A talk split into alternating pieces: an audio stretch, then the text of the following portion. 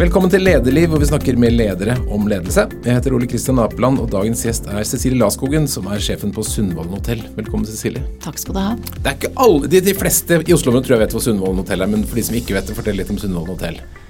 Ja, Sundvolden ligger jo Det er en halvtime bare fra Aker Brygge eh, til Sundvolden, som ligger da på andre siden av Sollihøgda, vil jeg si. Retning Hønefoss. Retning Hønefoss. Retning Geilo. Ja. Jeg prøver å hoppe litt over Hønefoss nå.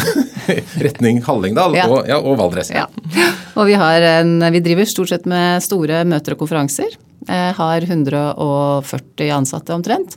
Rundt 80 årsverk. Og omsetter for en 120 millioner i året. Eh, vi eh, har vært der siden 1600-tallet som en skysstasjon. eh, og er i dag et moderne hotell med masse store møtefasiliteter, vil jeg si. Og så er vi i stadig utvikling, liker Og så leste jeg at det var dine svigerforeldre som kjøpte hotellet. Ja, i og da var det ikke de store greiene. Nei.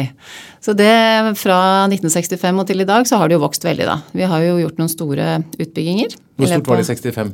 Da var det ca. 20 rom, bad på gangen og Akkurat. Ja. Så, eh, og en kafeteria. Og det var eh, god parkering, rask servering som var Ja. eh, greia. Det var et bra slagord i hvert fall. Ja, og da lå, gikk jo, eller gikk jo, gikk jo veien rett forbi, og man stoppet og spiste.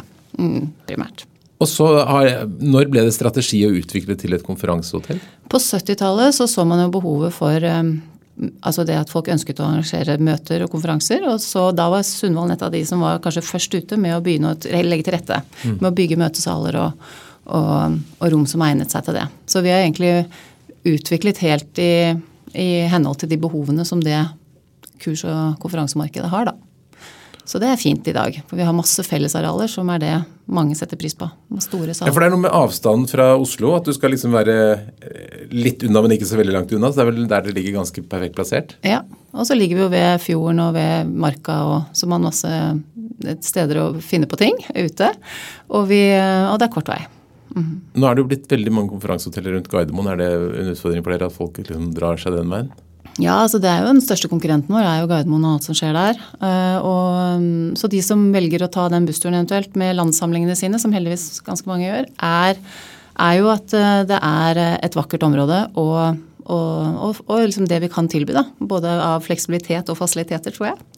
Eh, For det ligger jo på en, en asfalt, eh, i en asfaltjungel, mye av hotellene der. Så nei, men eh, vi prøver å ta kampen. Har dere noen slagord i dag? Noe som ikke er god parkering, god Ja, vi er elsket av våre gjester og beundret av våre konkurrenter. Oi, det er jo bra. visjonen vår. Mm. Så, ja, så prøver vi å være et godt sted å være for både de som jobber der og de som er på besøk. Fantastisk. Mm Eh, Det er jo, har vært tøffe tider i hotellbransjen. Der de fleste har fått med seg pandemi. Hvordan artet det seg for dere?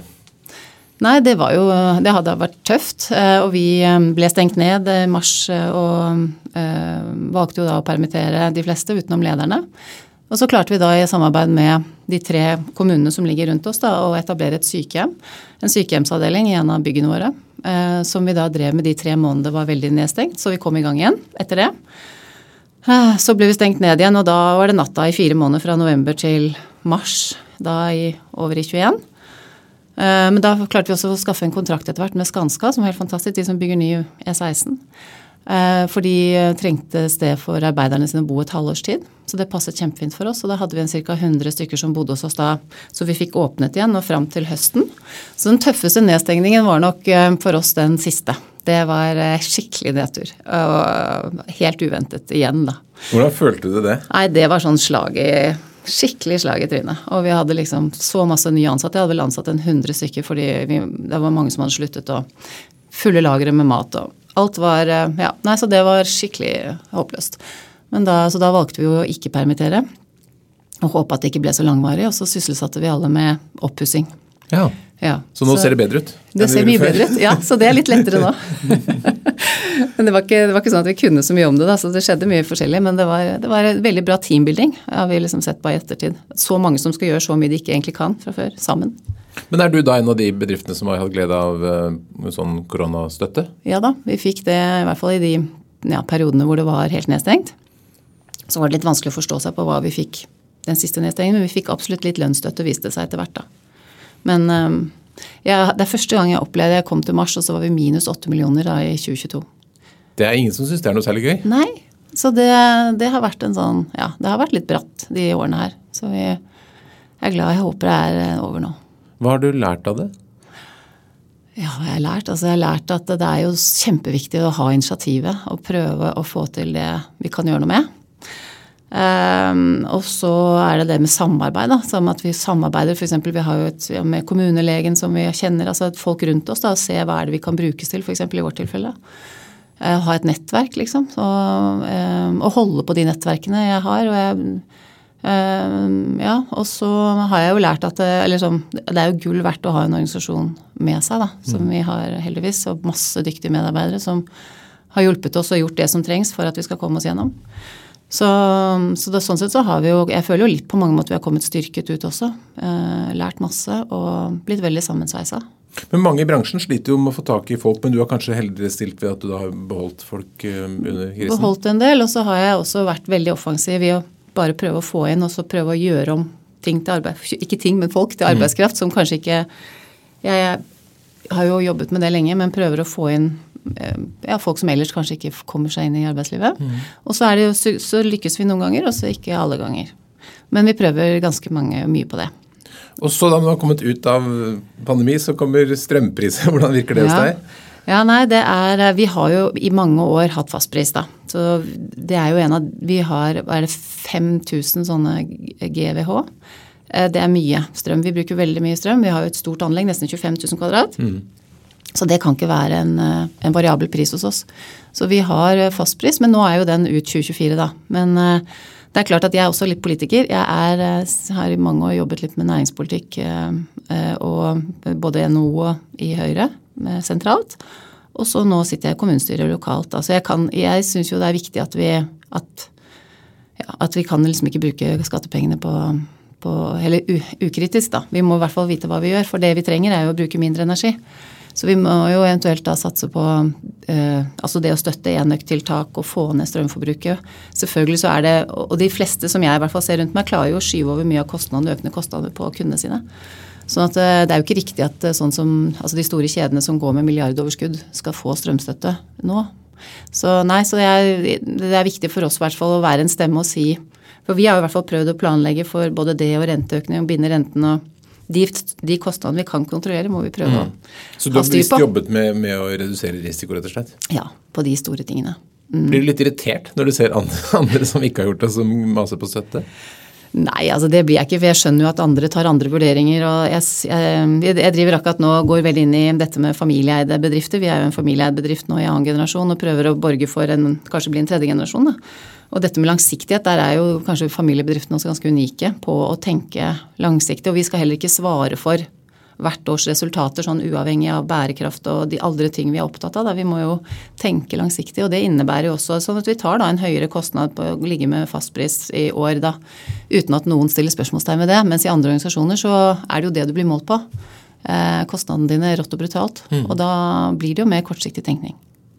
Du sa du har folk som, som du henter inn. det, det, er jo, det, er jo, i sakens natur at det er en virksomhet hvor folk kommer og går litt av medarbeidere. Hvordan jobber du for å skape kultur og få nye mennesker inn i en, liksom en Sundvolden-kultur så raskt som mulig? Ja, nei, eh, Vi kaller det jo sunnvoldinger, da, de som jobber hos oss. Og vi har på en måte beskrevet hvordan en sunnvolding er. Um, nei, jeg jobber mye med å ha en inkluderende og god eh, kultur. Eh, og ja, vi har bl.a. en Facebook-side eller en sånn gruppe vi deler på. Tilbakemeldinger og eh, bursdager og ja, eh, stort sett på den positive, eller bare på den positive siden. Og litt utdanning, og utvikling. Men eh, jeg prøver jo eh, å ja, ved å tett samarbeid med lederne og utvikling av de, og ta imot mennesker på en god måte. Eh, gi mange mennesker som kanskje ellers ikke har en sjanse i arbeidslivet, en sjanse. Eh, og um, Ja, jeg vet ikke helt. Jeg, um, over år så har vi vel en kultur da, som gjør, håper at det er sånn at uh, vi, folk føler at de kan bli trygge um, hos oss. Uh, selv om de ikke har alle de kvalifikasjonene de i utgangspunktet mm. trenger. Mm. Bruker du visjon og verdier aktivt? Ja, det gjør jeg. Sånn som å stille her i dag er litt sånn vågalt. Ja. en av de, våre verdier er uh, vågal. Raus, tett på og engasjert. Så det er jo det å være tett på og engasjert kanskje da, i forhold til mennesker som er viktig. Mm -hmm. eh, å bry seg om. Jeg har også et samarbeid med Maritastiftelsen, hvor jeg da også tar inn noen fra. Og hvor vi også da ja, har samarbeidet om en sånn bofellesskap og, i nærheten av oss. Så mm, Nei, så, og Nav og andre. Sånn at det er Ja, over tid så har vi jobbet mye med det. Mm. Er bemanning en av de tingene som du ser på som utfordring sånn i årene fremover? Ja. Rekruttering og bemanning. Få folk til å velge vår næring. Mm. Og der tror jeg vi har liksom, Kanskje en, noe av det som har drevet meg inn i, i lederroller og inn i, i, Ja, er jo det at i bransjen vår er veldig mye både dårlig ledelse, dårlig arbeidsmiljø. Så jeg tror bransjen, det er riktig sånn som mange sier, at vi kan takke oss selv litt for at det, det ikke er så attraktivt. Eh, så jeg syns alltid det har vært lærerikt å være i nettverk hvor jeg kan lære andre bransjer. Da, og se hvor mye de gjør for særlig arbeidsmiljø og um, de ansatte. Sånn at um, Så vi har liksom vært utsatt for mye dårlig ledelse, føler jeg. Så har jeg blitt veldig inspirert til å prøve å, å lage et godt arbeidsmiljø. Og prøve å liksom At det skal være gode arbeidsforhold i hotellbransjen også. For det er jo en bransje som kanskje ikke har sånn veldig status? Nei, det har ikke noe særlig status. Og det ligger helt nederst liksom lønns, på lønnsskalaen. Så det er jo ikke bra. Det er jo ikke noe Så det er jo lidenskap som driver de som jeg vil ha. Uh, og så prøver jeg å betale konkurransedyktige lønninger etter hvert også. Det er jo en viktig del av det. Um, det, er en, det er ikke De som jobber bra, de går raskt opp fra tariff, liksom. Er Men er du avhengig av å få um, arbeidere inn fra andre land, sånn som man er i landbruk og sånn? Mm. Mm. For den nordmenn vil ikke gjøre alle jobbene? Nei. Det eneste stedet jeg får tak i nordmenn, er eventuelt sånn i salg og resepsjon. Um, kurs, kanskje. Kurs og sånn. Ellers så alt som har med renhold og servering og uh, sånne ting. Det vil ikke nordmenn. Og Er det på en måte opplest og vedtatt at sånn blir det fremover? Ja, i hvert fall, i hvert fall eh, sånn som det ser ut så langt. Uh, men jeg er jo selvfølgelig alltid åpen for folk hvis de mener de har lyst. Mm. Men uh, det er litt sånn Per nå så har jeg da blant de jeg har ansatt, så har jeg 25 forskjellige nasjonaliteter. Så jeg har ikke kjøpt sånne flagg så alle skal få på seg, for jeg syns det er litt gøy at det er mm. så mange forskjellige. Til og med fra ja, Afrika og mange forskjellige land. Føler du at du får god hjelp av myndighetene? Altså er, det, er det enkelt å få arbeidskraft inn? Nei, ikke, fra, ikke utenfra EØS. Det er jo helt håpløst nå, da. Eh, særlig da Ukraina har jo skapt også en sånn eh, kø. Så, så jeg, jeg, prøvde igjen nå, men det tar over et halvt år. Mm. Så, så, det er de som på en måte har arbeidstillatelse jeg kan sysselsette. Mm. Mm -hmm. Din lederjobb, eh, Cecilie, når, når, når, når, tok du første gang ansvar? Uh, ja, uh, i lederrolle så var jo det uh, rett ut når jeg var ferdig lærling. Jeg, jeg, tok kokkefagbrev etter jeg var ferdig på gymnaset. Og da fikk jeg med en gang jobb hos Olav Thon. som ville ha en sånn assisterende daglig leder på uteserveringen i sentrum. Sara ja. Stelt og Dasslok og og sånn. Der gikk det mye øl? Der gikk det mye øl. En gang så klarte jeg til og med på var vel en sånn konsertkveld, så klarte jeg å snu den der eh, øltankekrana feil vei. Så jeg sto liksom med 800 liter øl eh, over meg. For jeg var jo ikke Jeg kunne jo ikke alt. Jeg har vel hatt en historikk hvor jeg har kastet meg litt ut i eh, litt mer enn jeg har egentlig kunnet. Var tonsystemet et bra sted å lære? Ja, eh, det var det jo. Altså, det var jo også et sted hvor jeg ble motivert til å kanskje både sånn i forhold til synet på utdanning. Jeg, jeg ville jo utdanne meg videre, så jeg gikk videre på en bachelor på Hotellhøgskolen. Mens, mens det jeg fikk beskjed der at jeg kunne få jobb nå, liksom, men visste ikke helt da når jeg kom ut fra skolen, liksom. Så det har jeg liksom Jeg tenker, jeg har veldig tro på kompetanse. Da. Jeg har liksom det, så jeg har også tatt en master i, i senere tid. Um, merkevarebygging? Merkevarebygging, ja. Mm -hmm.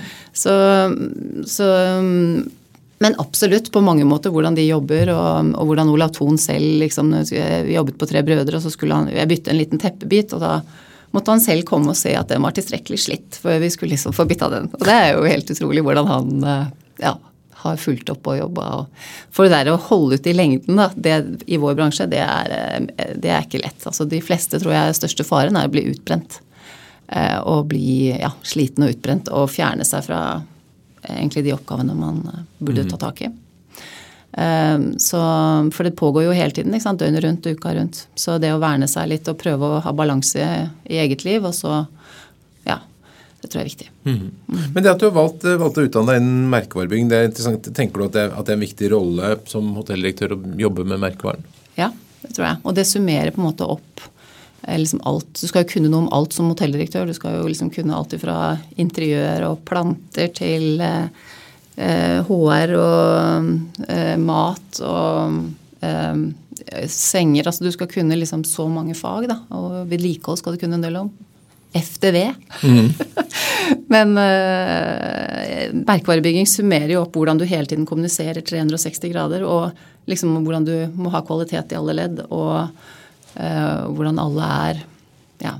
Uh, hvordan du må jobbe med hele, alle interessentene. Og ja, det er liksom, jeg syns det summerte veldig opp alt jeg, jeg burde liksom jobbe med, da. Så jeg syns det var veldig spennende. Det, og, og, følte meg jo ganske dum, da, for jeg har jo ikke noen bachelor i, i merkevareledelse, så alle de som tok den masteren, de jobbet jo bare med markedsføring og, og, og salg og sånn, så jeg hadde jo ikke helt Men det gikk, det òg. Du, du, opplevde kanskje at du hadde jobbet med det, du òg? jo da, men ikke så grundig som de, da. Um, ja, jeg drev med litt forskjellig. Så. Men eh, du har jo da vært i, i, markedet en del år. Hvordan har eh, nordmenns og konferansegjesters forventninger til hoteller utviklet seg? Er folk blitt mer kravstore? Nei, jeg syns det er fint, jeg. Jeg syns de har en uh, veldig sånn jeg, jeg, jeg, jeg, selv som svarer på tilbakemeldingene vi får eh, fra forskjellige steder mye. Og jeg syns jo egentlig at vi blir, får tilbakemelding på de tingene som jeg egentlig er klar over. Mm. Så jeg syns liksom at det er, eh, er greit, ja. Hva er det som må være på plass for at det skal bli en god hotellopplevelse? Eh, må ha veldig god mat. Mm. Og så må du liksom merke at det er noen hjemme. som jeg pleier å si. Det er liksom, du må merke at det er liksom, detaljene må være litt i orden. Det må ligge en slags sjel bak det hele. Um, og jeg merker det med en gang jeg kommer inn i tunet et eller annet sted. Så, så merker jeg liksom om det er noen hjemme, som jeg sier. Um, men det kan være alle slags steder. Jeg må jo, kan jeg få lov å skryte av at jeg var akkurat på et ja, sted på søndag kveld. Ja. Jeg var jo på Rondane gjestegård, mm. og det var så hyggelig. Og så gjennomført og hyggelig, de som jobbet der. og Nydelige senger og alt i orden. Og jeg gikk og bada om morgenen i en sånn elv rett ved, og det var helt fantastisk. Så bra. Men du er jo et ganske godt selskap, for dere er med i denne kjeden som heter De historiske ja. hotell- og spisesteder. Som er mange fantastiske steder. Mm. Gir det deg mye å ha et sånt samarbeid? Ja. Og det var først og fremst Vi meldte oss inn for å ha det samarbeidet med de som er så flinke på mat. Eh, og, og samarbeid sånn at våre kokker Vi har sånne samlinger som de kan dra på da, og lære og utveksle og sånn. Så det var jo mye av grunnen. Det og det å ha en sånn der mystery guest. For vi får ikke så mye gjester. Altså er, vi er jo en Vi er jo ikke så små og koselige som alle disse vestlandshotellene. så vi har jo ikke fått kanskje så mye, så mye gjester som mange, liksom. Men vi, vi, har fått dette fantastiske samarbeidet og nettverket med flinke folk. Eh, og ja, vi har samlinger, eh, og det er alltid lærerikt. òg. Så det er bra. Så, så bra. Ja. Du har vært åpen om at du hadde en barndom som var ganske krevende. Vil ja. du si litt om det? Ja, det kan jeg gjøre. Det har jo også vært liksom noe jeg tror på. da. Jeg alltid tror det er viktig å prøve å snakke om ting. Eh, og jeg, så jeg tror det er viktig i min eh, lederrolle også. At vi prøver å sette ord på ting. Uh, snakke om det som er vanskelig og sånn. Så jeg hadde en mor som vel valgte da og valgte alkoholen når jeg var sånn ni år. Og søsknene mine var jo da yngre. Så det ble en utfordrende ungdomstid. Eh, hvor jeg var eh, mer mor, både for henne og moren min da, og, og søsknene mine. Um, og sånn har det jo egentlig fortsatt hele livet. Til hun døde da i fjor. Så det var jo på en måte Det er rart at, at det er en lettelse, men det er faktisk også mulig. Mm. Så, så, så, det har jeg nok lært altså, veldig mye av når det gjelder mennesker og jeg tror jo veldig på å være, altså gjøre oss litt sårbare og vise hvem vi er. Fordi da er det, ja, det er mye bedre for alle å være i, et, i en et atmosfære hvor vi er ærlige mot hverandre. Så det å ha tillit og bli trygge og kunne snakke om ting, da, da får vi til mye mer. Så du har egentlig hatt litt lederansvar helt siden du var ni? du da? Ja, det har jeg nok. Ja da. Jeg har, uh, har tatt faren min litt i skole noen ganger. For han, det er jo også litt morsomt. Jeg, jeg tenker jo ofte på han når jeg For han jobbet for seg selv, drev et firma i anleggsbransjen. Og mm, vi var jo med han da for at moren min og jeg var enda mindre skulle få litt fri i helgene. Og da puttet vi sand i høla og, vi vasket brakker og eh, Og jeg, liksom, jeg husker jo han jo, har jo alltid hatt utrolig omsorg for sine som jobbet hos han. Eh, at det skulle være rene brakker. At vi, jeg bakte kaker fra jeg var ganske liten for at det skulle være kaker. Og han prøvde å betale de så godt han kunne, og vi fikk sånne fine lønningsposer betalt for alle timene helt fra jeg var kjempeliten. Mm -hmm. Så liksom det der Det har nok mye med meg derfra også, fra han. For han har alltid vært opptatt av at, ja, at ting skal være mest mulig rettferdig og ordentlig, da. Mm. Så, så, det, så det har jeg nok også med meg litt derfra. Føler du at det er noe som liksom som det mangler litt i deler av næringslivet?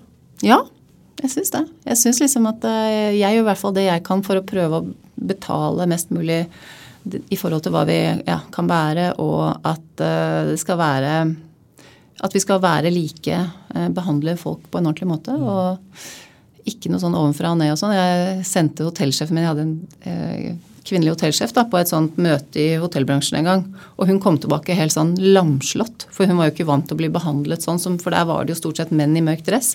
Dette er jo en mannsdominert bransje i, i lederroller. Det er det jo. Og jeg, liksom, jeg tenker, prøver ikke å tenke så mye på det, jeg vet jo at det er sånn. men hun kom i hvert fall tilbake og hadde fått en sånn sjokkopplevelse av å ikke være inkludert og bli sett ned på. Og, og jeg bare uffa meg. Men det er litt sånn det er. Og det, er jo, det også har jo selvfølgelig provosert meg til å ja, prøve å stå i det. da. Mm. I, det er jo tøft. Jeg har jo gått inn og liksom, tatt en rolle i familiebedriften vår, da, som, eh, som eh, Men også for å vise at det er Vi kan det. Mm. Det, ja. det å skulle Du sier du ønsker å føre det videre til en ny generasjon. Er, er det en, en, vanskelig utfordring? Det å liksom, skulle lede barna sine inn i en virksomhet man selv er i? Ja. Det, er det et dilemma man skal gjøre det eller ikke? Ja, og jeg har egentlig vært tydelig på at jeg egentlig ikke syns de skal. For jeg syns det er eh, jeg synes, Altså det er jo en altoppslukende, det er jo en livsstil. Du, må, du, slipper jo aldri det ansvaret. Som jeg sier som leder, så er du jo Du har det ansvaret, og det er en rolle. Det er, noe, det er jo ikke noe jobb. Og da Og man har da med Altså det er masse, masse, mennesker som skal fungere, og så er det masse mennesker som har alltid en forventning til deg. Eh, så det er liksom å være i en sånn um, ja, en storm av forventninger alltid, da.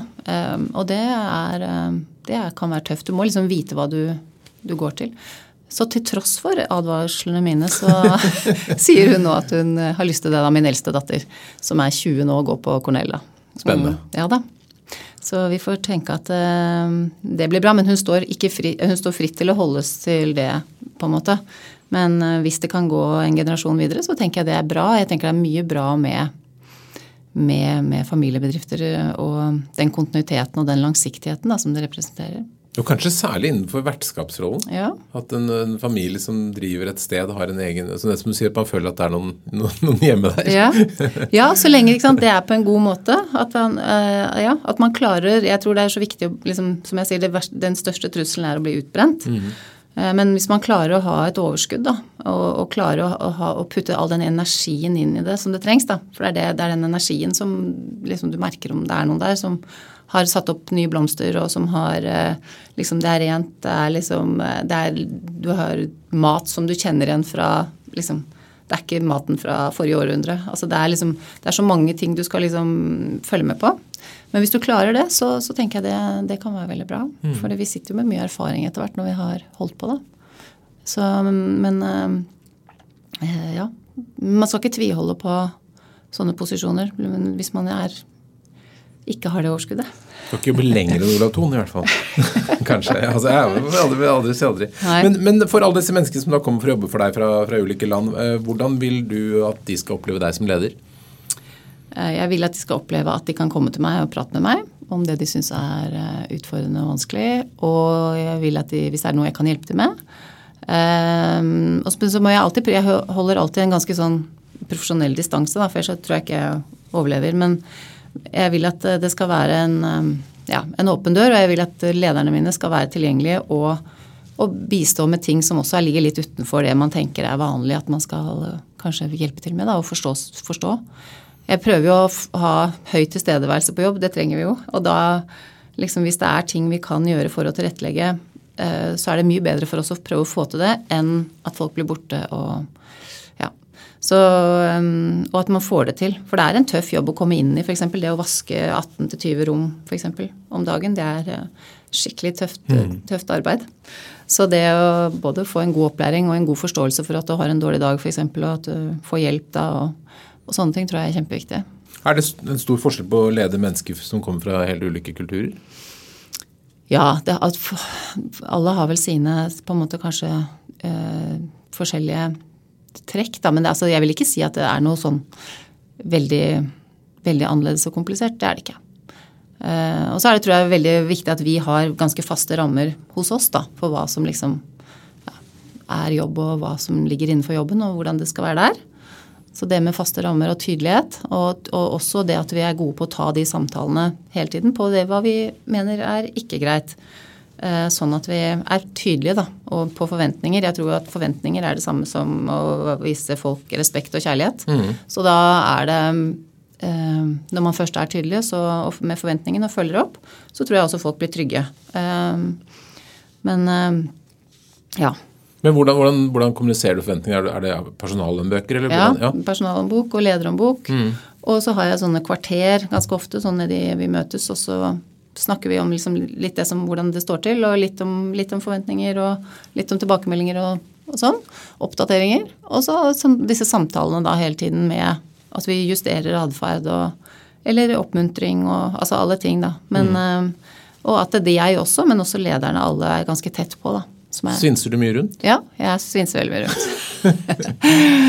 jeg svinser mye rundt. Um, så det er jo, tror jeg, helt nødvendig, fordi da ser jeg liksom hvordan det er, og får med meg hva som skjer. og um, vet hva de snakker om lederne når de tar opp ting med, som på en måte fungerer eller ikke fungerer. Både folk og, og løsninger og, og, sånn. For nå pågår det jo virkelig om dagen. Det er virkelig gøy. Det har vært gøy nå etter eh, pandemien. Det er liksom, Nå har vi akkurat fått tidenes august. Jeg må skryte litt. Det er gøy. Ja, det er det og det er liksom da, da, da, går det så det knirker liksom i sammenføyningene. Det er liksom det, men det er gøy, da. Men da må jeg vite hvor det knirker og mm. Så jeg har jo veldig, jeg hørte hørt en gang at du må liksom ha én hånd på markedet og én hånd på produktet. Det er vel Walt Disney eller noe sånt. Men det er liksom jeg tror det er kjempeviktig. At, prøver både å være på den, at jeg prøver å skjønne hva markedet vil ha, og liksom at jeg skjønner hva vi driver med, og hvordan vi kan møte det. Da. Mm. Mm. Hvor langt frem har du oversikt over virksomheten? Hvor, hvor langt frem bestiller folk um, konferanser og sånn? Jo, De booker jo et par år gjerne frem i tid, men liksom hele den situasjonen og alt som skjer nå også, gjør jo at folk har blitt litt mindre langsiktige. Så vi booker jo fortsatt på dette året her nå.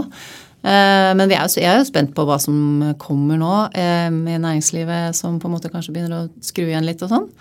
Um, og eh, da må jo vi også justere eller være liksom klare på det, samtidig som jeg er veldig tydelig på at vi skal jo være det hotellet som, uh, som skal sørge for at hvis noen skal ha noe, så er det hos oss de skal. Mm. Men uh, det er klart at det, det er um, Det går liksom fra en sånn catch-up-effekt nå post korona, og så, og så vet vi ikke helt da hvor det på en måte uh, lander. Vi jo, har jo vært igjennom 2008 og 2009 med finanskrisen for ikke lenge siden. Og vi hadde jo også en nedgang vi etter 22.07, juli hvor mm. folk mente at eh, det var eh, traumatisk å komme til oss. Mm. Noe vi syntes var selvfølgelig veldig rart. For det som skjedde hos oss, var jo ikke noe traumatisk. Det var jo bare godt. Eller godhet. Mm. Det var ikke noe Og det er fem kilometer fra oss til Utøya. Men allikevel så hadde vi en nedgang. Dere ble jo liksom nasjonalt kjent da, og man forbandt kanskje Sundvolden i stor grad med den hendelsen. Hvordan, hvordan opplevde du de dagene etter 22. juli? Nei, altså, altså For oss så var det bare så utrolig godt å kunne faktisk gå på jobb og gjøre noe for de som var rammet, da, ofrene. De faktiske ofrene. Det var eh, alle, ikke sant. Vi hele Norge flagget på halv stang, og alle lurte på hva de kunne gjøre. Mange ringte, og mange tidligere ansatte og naboer og alt kom for å jobbe hos oss for å liksom Hva kan vi gjøre? Mens vi kunne i hvert fall da føle at vi kunne gjøre noe, da. Så det var en enormt sånn god følelse. Og, og selvfølgelig var det vanskelig å forholde seg til mye av det som skjedde, for det er jo helt forferdelig. Men uh, vi fikk jo også masse god hjelp til det etterpå av sånn krisepsykolog og alt mulig sånn.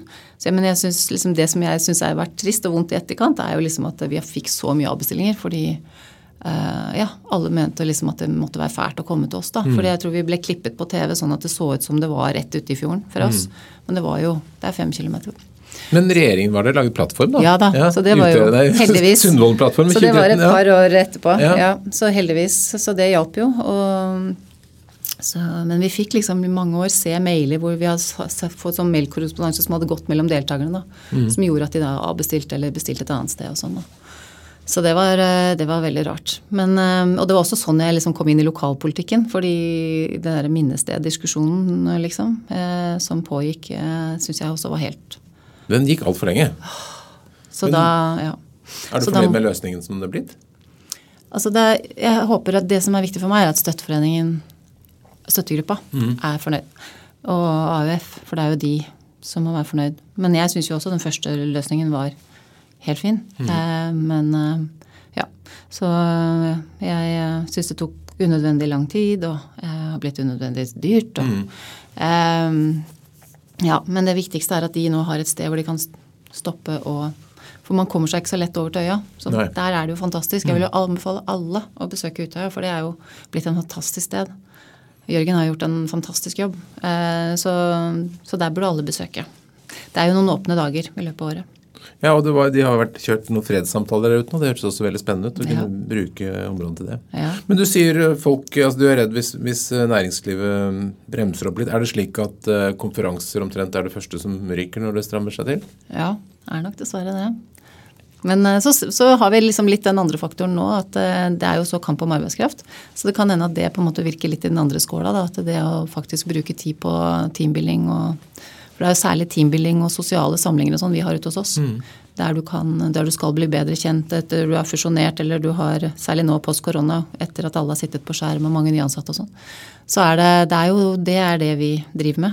Og da håper jeg at det kanskje ja, kan motarbeide litt. Og foreløpig så ser det veldig bra ut, men eh, det er jo min jobb å være Man skal være litt paranoid. Det er, ikke, det er liksom bedriftslederens jobb å være litt sånn paranoid. Kjenne litt på frykten. Ja, Ja, ja. Så det, det er absolutt eh, Jeg prøver, oss, prøver jo å se langt frem og, også, men og, hvordan vi skal ruste oss. Da, for jeg er jo ekstremt opptatt av kontantstrøm. Det er jo veldig, hoteller er jo veldig eh, kontantstrømdrevet. Vi eh, jeg kan ikke, Og vi ligger jo med en høy bemanning. altså Vi har jo liksom nesten ja, som jeg sier, nesten 80 årsverk.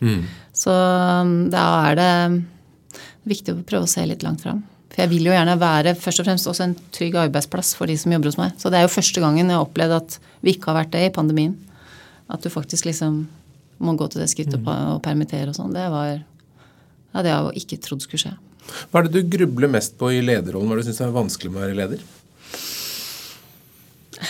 Ja, ikke sant? Du du skal jo snakke her om kommunikasjon, og det er jo det som er det vanskelige, eh, tror jeg. Altså det, ja, det å faktisk Og det å forstå mennesker. Jeg tror jeg kan bruke hele livet mitt på å prøve å forstå, liksom, men vi er så forskjellige. Eh, og det som, hva som driver mennesker og Så det er jo mennesker jeg grubler mest på, hvordan vi skal eh, ja, få tak i og holde på.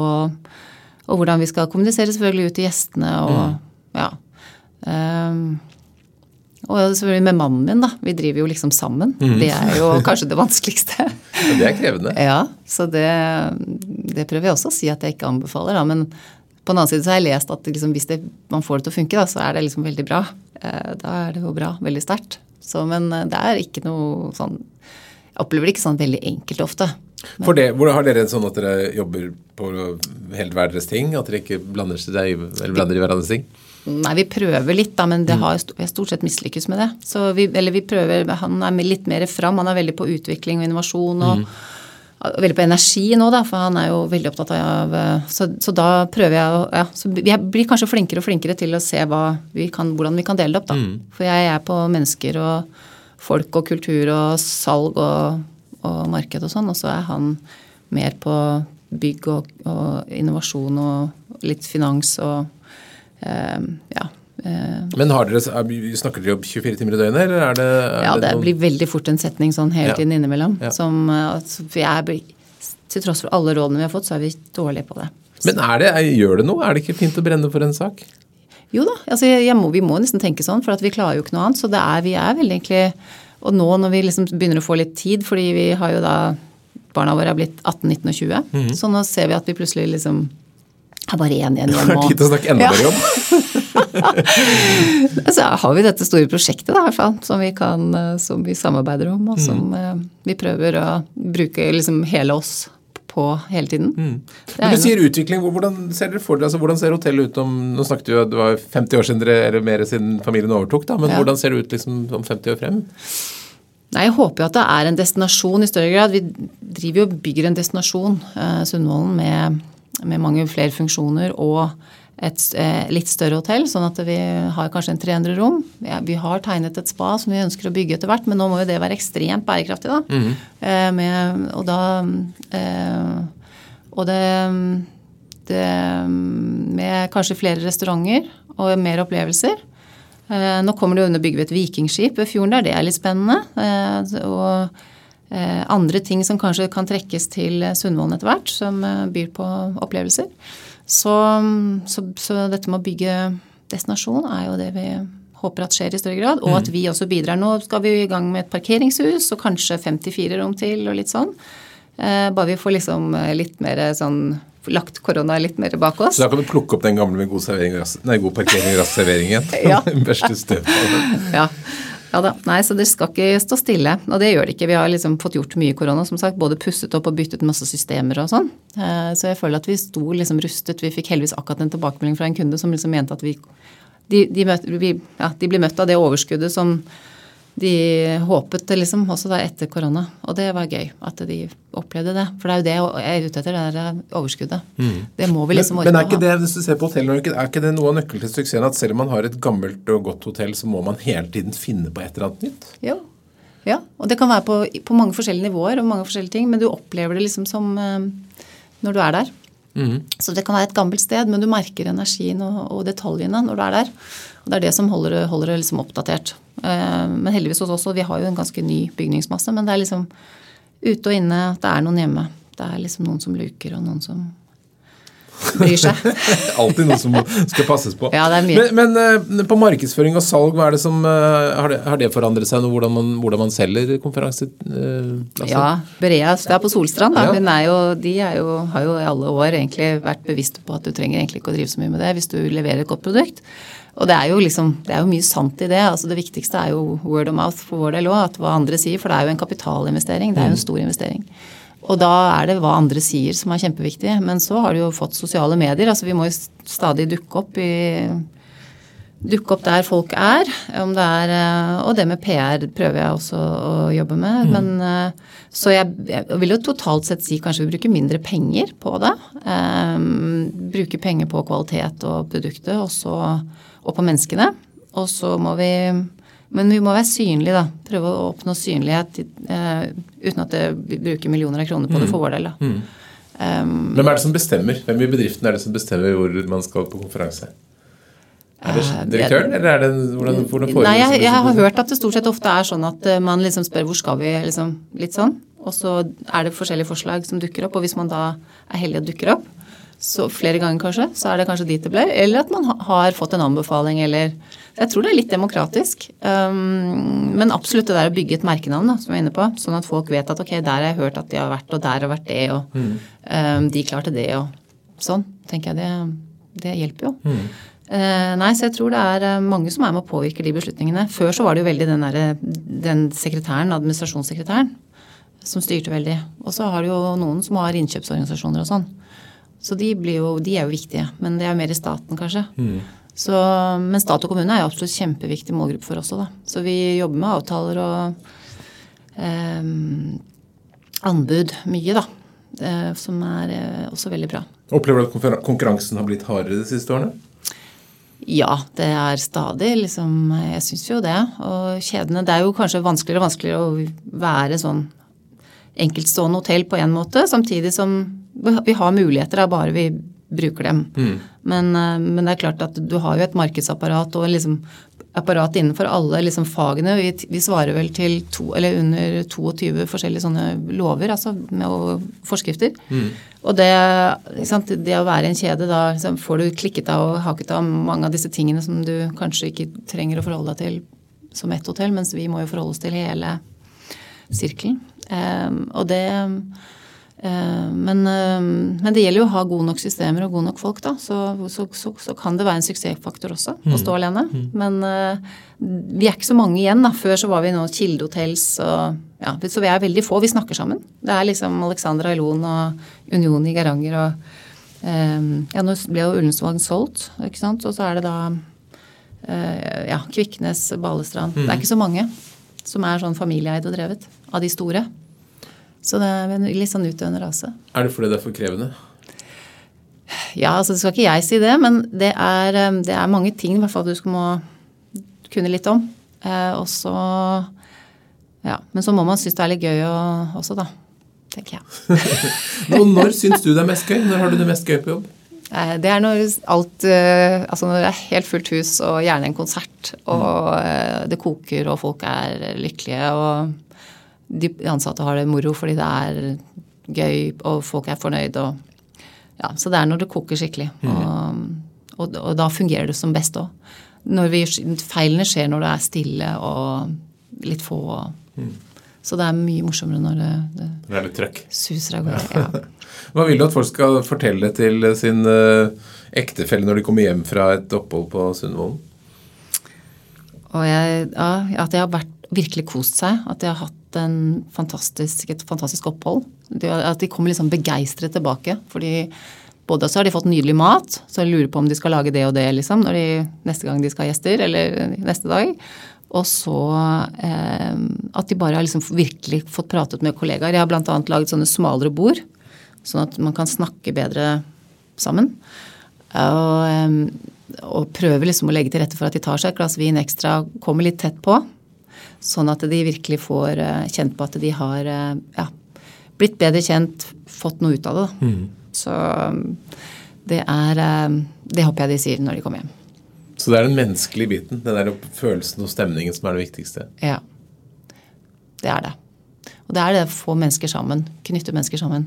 Og, ja, og også de, både de som jobber, og de som er gjester. Mm. Mm.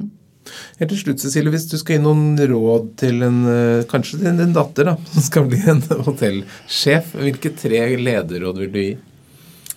Ja, tre lederråd. Ja, det er, jo, det er jo sikkert blitt sånn klisjé, for jeg skjønner jo at du har jo snakket med så mange. Men jeg, det er dette med initiativet. da. Jeg ser jo at det er jo ikke alle som Det er å ha initiativet, eie initiativet uansett.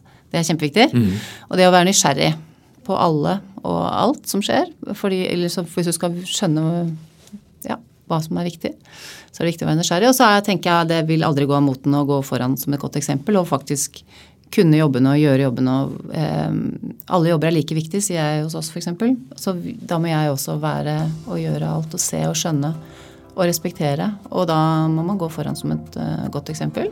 Um, det tror jeg aldri går av moten. det er et godt råd. Ja. Cecilie Laskogen, tusen takk for at du kom til Lederliv. Tusen takk for at jeg fikk komme. Lederliv er en podkast fra kommunikasjonsbyrået Apeland. Vi legger ut nye episoder hver eneste fredag. Redaksjonen består av Ingrid Hogneland, Lars Volden, Lars Jarli Melum og meg, som heter Ole Kristian Apeland. Tusen takk for hyggelige tilbakemeldinger og tips om ledere. Bare fortsett å sende til oleetapeland.no.